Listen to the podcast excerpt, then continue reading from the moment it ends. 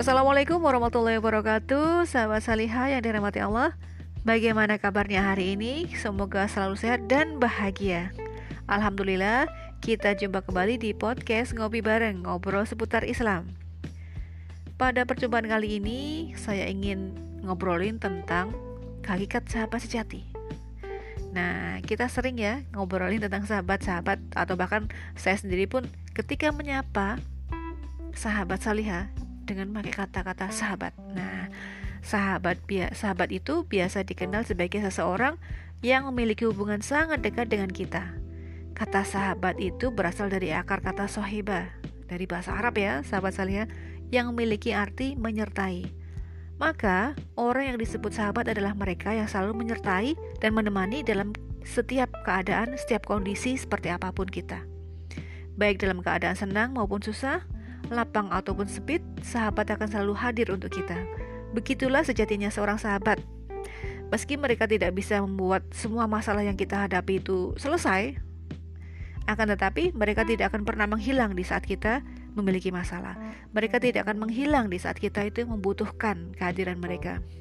Kalau kita melihat saat ini, bagaimana fakta-fakta yang ada, masya Allah, astagfirullahaladzim, ya mengurut dada ya sahabat salihah. Ternyata bagaimana perkembangan pertemanan, perkembangan masalah sosial di arena anak-anak remaja bahkan di kehidupan saat ini. Dan itu juga merambah ya merambah di, kehidupan para ibu-ibu para mama juga. Terkait dengan pertemanan itu ada hal-hal yang perlu kita ketahui di sini ya. Kalau mungkin saat ini gak asing lagi ya bahkan marak banget terkait dengan masalah bullying. Bullying ini menimpa bahkan ya pelaku dan korbannya itu ada yang sudah di ranah SD anak-anak SD itu sudah berani mereka ngebully temannya sendiri. Nah dan itu juga terjadi di tingkat SMP, SMA maupun di tingkat masyarakat. Begitu mudah sekali ya ketika bullying itu dijadikan sebagai sesuatu hal yang mengembirakan mungkin ya bagi para pelaku. Karena mereka merasa bahwa ketika korban itu korban bullying itu benar-benar meras benar-benar tampak teraniaya oleh mereka para kumpulan-kumpulan para pembuli itu. Mereka merasa itu suatu hal yang bahagia menyenangkan bagi mereka. Melihat korbannya itu begitu menderita. Ya astagfirullahaladzim semoga kita semoga kita ya sahabat salihah selalu dijauhkan dari hal-hal yang buruk seperti itu. Nah kalau kita melihat juga para pelaku itu biasanya main keroyokan ya sahabat salihah pelaku bullying itu keroyokan. Keroyokan terus ngebully satu atau dua orang lah. Biasanya satu orang yang dijadikan sebagai korbannya. Nah apakah seperti itu sih yang disebut sebagai sahabat sejati? Apakah sahabat sejati itu yang seperti itu? Ngumpul-ngumpul keroyokan nggak main ngebully teman yang satunya lagi. Atau mungkin sahabat sejati itu adalah teman-teman yang mereka tuh mau ya diajak ke warkop bareng-bareng mungkin bermaksiat bareng. Apakah seperti itu, sahabat sejati itu? Atau juga di sisi lain, sahabat sejati adalah orang-orang yang mereka itu ada pada saat kita butuhkan. Maksudnya pada saat kita itu lagi senang-senangnya, lagi bahagia itu mereka begitu ya tanpa diundang hadir begitu saja. Namun ketika kita itu dalam kondisi lagi berduka, sedih, entah apa pun yang terjadi dalam kehidupan kita, mereka tiba-tiba menghilang begitu saja. Nah, sahabat lihat, mari ya kita lihat bagaimana sih kehidupan sahabat sejati itu.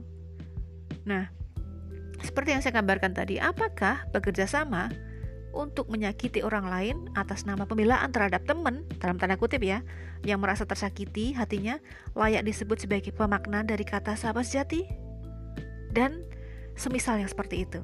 Nah, sahabat salihah, mari kita bandingkan dengan kisah persahabatan manusia terbaik sepanjang masa yaitu Rasulullah SAW dengan sahabatnya Abu Bakar As-Siddiq. Tentu sahabat salihah tahu ya bagaimana perjuangan Rasulullah Muhammad SAW dalam menyebarkan Islam tidak bisa dilepaskan dari sosok Abu Bakar As-Siddiq. Sosok ini yaitu Abu Bakar As-Siddiq ini menjadi simbol persahabatan sejati karena Abu Bakar adalah sahabat terdekat Rasulullah. Nama aslinya adalah Abdullah bin Abu Kuhafa. Sedangkan Abu Bakar adalah nama panggilannya, terlahir dari keluarga yang kaya raya yang mendidiknya menjadi pedagang sukses. Abu Bakar dikenal sebagai sosok yang amanah dan jujur. Sifat ini terjamin dalam ucapan Rasulullah yang menyebutnya sebagai orang yang pertama kali menerima Islam dan meyakini nubuat kenabian Muhammad.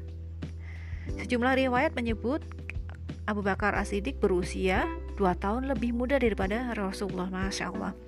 Jadi teringat nih, kalau sempat ingat dulu, saya tuh sempat ngebayangin ya sahabat soleha, yang namanya Abu Bakar itu kayaknya usianya jauh lebih tua daripada Rasulullah.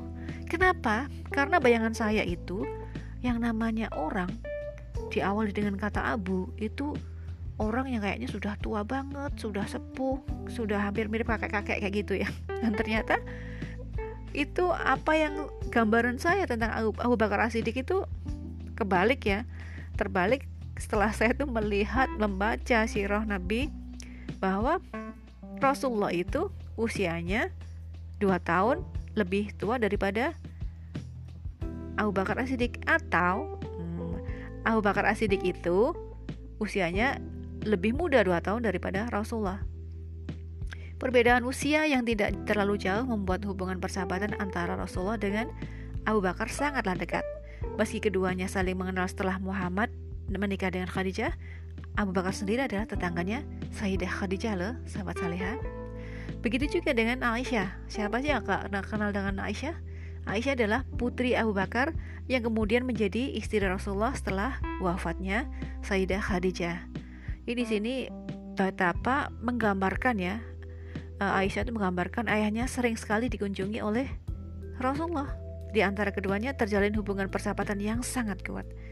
Gelar asidik didapatkan Abu Bakar setelah menyatakan keyakinannya akan kebenaran peristiwa Isra Miraj Rasulullah dari Mekah menuju Yerusalem. Di saat waktu itu ya sahabat soleha, di saat banyak orang mengejek Nabi dengan mengatakan peristiwa itu hanyalah kebohongan, Abu Bakar teguh membela Rasulullah. Diriwayatkan orang-orang banyak mendatangi Abu Bakar dan mengatakan, temanmu mengatakan hal yang tidak bisa dipercayai. Dia pergi ke Yerusalem dalam semalam dan naik ke langit. Abu Bakar kembali bertanya, apakah dia mengatakannya? Saat jawabannya adalah ya, Abu Bakar langsung berkata, jika dia mengatakan itu, maka itu benar. Kesetiaan Abu Bakar mungkin belum ada yang bisa menandingi ya sahabat salihah. Abu Bakar adalah sosok yang menemani Nabi di saat-saat sulit menjalankan dakwah. Karena pertimbangan keamanan, Rasulullah meminta umat Islam untuk berhijrah keluar dari Mekah. Awalnya, Dataran Abisina yang didiami umat Nasrani menjadi tujuan utama, tetapi tatkala hijrah skala besar dibutuhkan, umat langsung mengalihkan perhatiannya ke Madinah.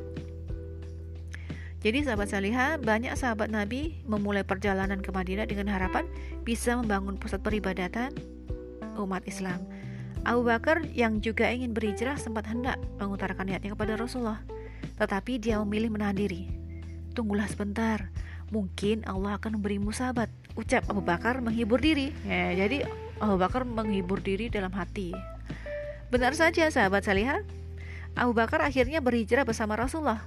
Bahkan tatkala Rasulullah diincar untuk dibunuh, Abu Bakar ada di samping Rasulullah, melewati masa-masa sulit waktu itu. Keduanya bersembunyi di sebuah gua hingga kaki Abu Bakar pun digigit ular dan terluka. Namun ia menahan rasa sakitnya agar tidur Rasulullah tidak terganggu. Tetesan air mata yang keluar dari mata Abu Bakar dan kemudian mengalir pada pipi pipinya pipi si Abu Bakar ini yang akhirnya kemudian menetes jatuh kepada menetes ya menetes di pipinya Rasulullah yang akhirnya dari situlah Rasulullah kemudian bangun terbangun lalu atas izin Allah Rasulullah menyembuhkan kaki Abu Bakar yang terkena gigitan ular dengan sekali usapan Masya Allah Allahu Akbar itulah mujizat yang diberikan oleh Allah kepada Rasulullah. Bahkan sahabat salihah, Abu Bakar mendapat amanah dari Rasulullah untuk memimpin sholat ketika Rasulullah sakit keras. Begitulah persahabatan sejati Rasulullah dengan Abu Bakar. Tidak hanya di dunia, bahkan persahabatan mereka berlanjut hingga di akhirat yaitu di jannahnya. Dalam Islam, sahabat salihah, hubungan persahabatan sangatlah indah. Bukan hanya selalu menyertai, namun seorang sahabat juga selalu membantu kita dalam keadaan baik, dalam keadaan baik serta menasehati kita dalam ketika kita melakukan mungkin ya yang namanya manusia, kita itu kan kadang eh, nggak uh, sengaja itu ya. Mau belok-belok dikit lah melakukan keburukan atau mungkin ada kemaksiatan kemaksiatan kemaksiatannya kita lakukan sahabat itu akan menasihati kita. Kehadiran mereka membawa kita semakin dekat kepada sang pencipta yaitu Allah Subhanahu wa taala. Bukan justru sebaliknya ya kalau kita melihat saat ini jadi sahabat itu bukan sosok yang membuat kita tenggelam dalam bermaksiat kepada Allah dan semakin jauh darinya. Itu bukan. Kita tidak bisa menyebutkan itu sebagai sahabat sejati itu berarti perusak sejati itu ya bukan sahabat sejati oleh karena itu sahabat salihah penting bagi siapa saja untuk bijak dalam memilih sahabat Jangan sampai orang yang kita anggap sebagai sahabat ternyata tidak mampu membawa kita semakin dekat dengan Allah, bahkan justru membawa pengaruh buruk dalam kehidupan kita. Ibnu Athaillah pernah menyampaikan dalam sebuah nasihat indah tentang persahabatan. Janganlah kamu berteman dengan orang yang keadaannya tidak bisa membangkitkan semangatmu dan berbicaranya tidak mampu membimbingmu, membimbingmu ke jalan Allah Subhanahu wa taala. Temanmu akan menggambarkan siapa kamu dan derajat keimananmu, maka pilihlah teman secara bijak. Allah Subhanahu wa taala berfirman, teman-teman akrab pada hari itu sebagiannya menjadi musuh bagi sebagian yang lain kecuali orang-orang yang bertakwa. Quran Surat Az-Zukhruf ayat 67 maka sahabat seleha, jika urusan memilih dan memilah teman saja begitu diatur indah dengan indahnya oleh Islam, apalagi urusan-urusan yang lainnya. Sahabat hanya dengan sahabat seleha, hanya dengan memiliki Islam secara keseluruhannya, mencontoh sikap dan perilaku Rasulullah, menerapkan aturan syariat dalam kehidupan, insya Allah kita akan mudah menemukan jati diri yang hakiki, serta memiliki prinsip diri hidup benar di hadapan Allah yang kokoh sehingga sebagai generasi muda kita tidak akan mudah terombang-ambing oleh derasnya arus negatif yang ada di lingkungan sekitar kita. Masya Allah, subhanallah, itulah sahabat sejati. Jadi, sahabat salihah, jangan lupa ya, kita tetap harus bisa memilih dan memilah siapa saja yang bisa dan harus kita jadikan sebagai sahabat sejati kita. Sahabat sejati yang senantiasa memberikan kebaikan pada kita dan selalu memberikan nasihat kepada kita ketika kita itu secara tidak sengaja melakukan kekhilafan. Dan bagi kita sendiri secara pribadi, jangan merasa patah hati atau ketika ada sahabat kita itu menasehati kita. Insya Allah, jika itu dilandasi untuk mencari ridha Allah, akan ada kebaikan di dalamnya. Ya, ini yang bisa saya sampaikan, sahabat saleha. Insya Allah, lain waktu kita lanjutkan kembali. Ini Siratul Mustaqim Kesempurnaan hanya milik Allah, kekurangan dan kelemahan itu pasti ada pada diri saya. Wassalamualaikum warahmatullahi wabarakatuh.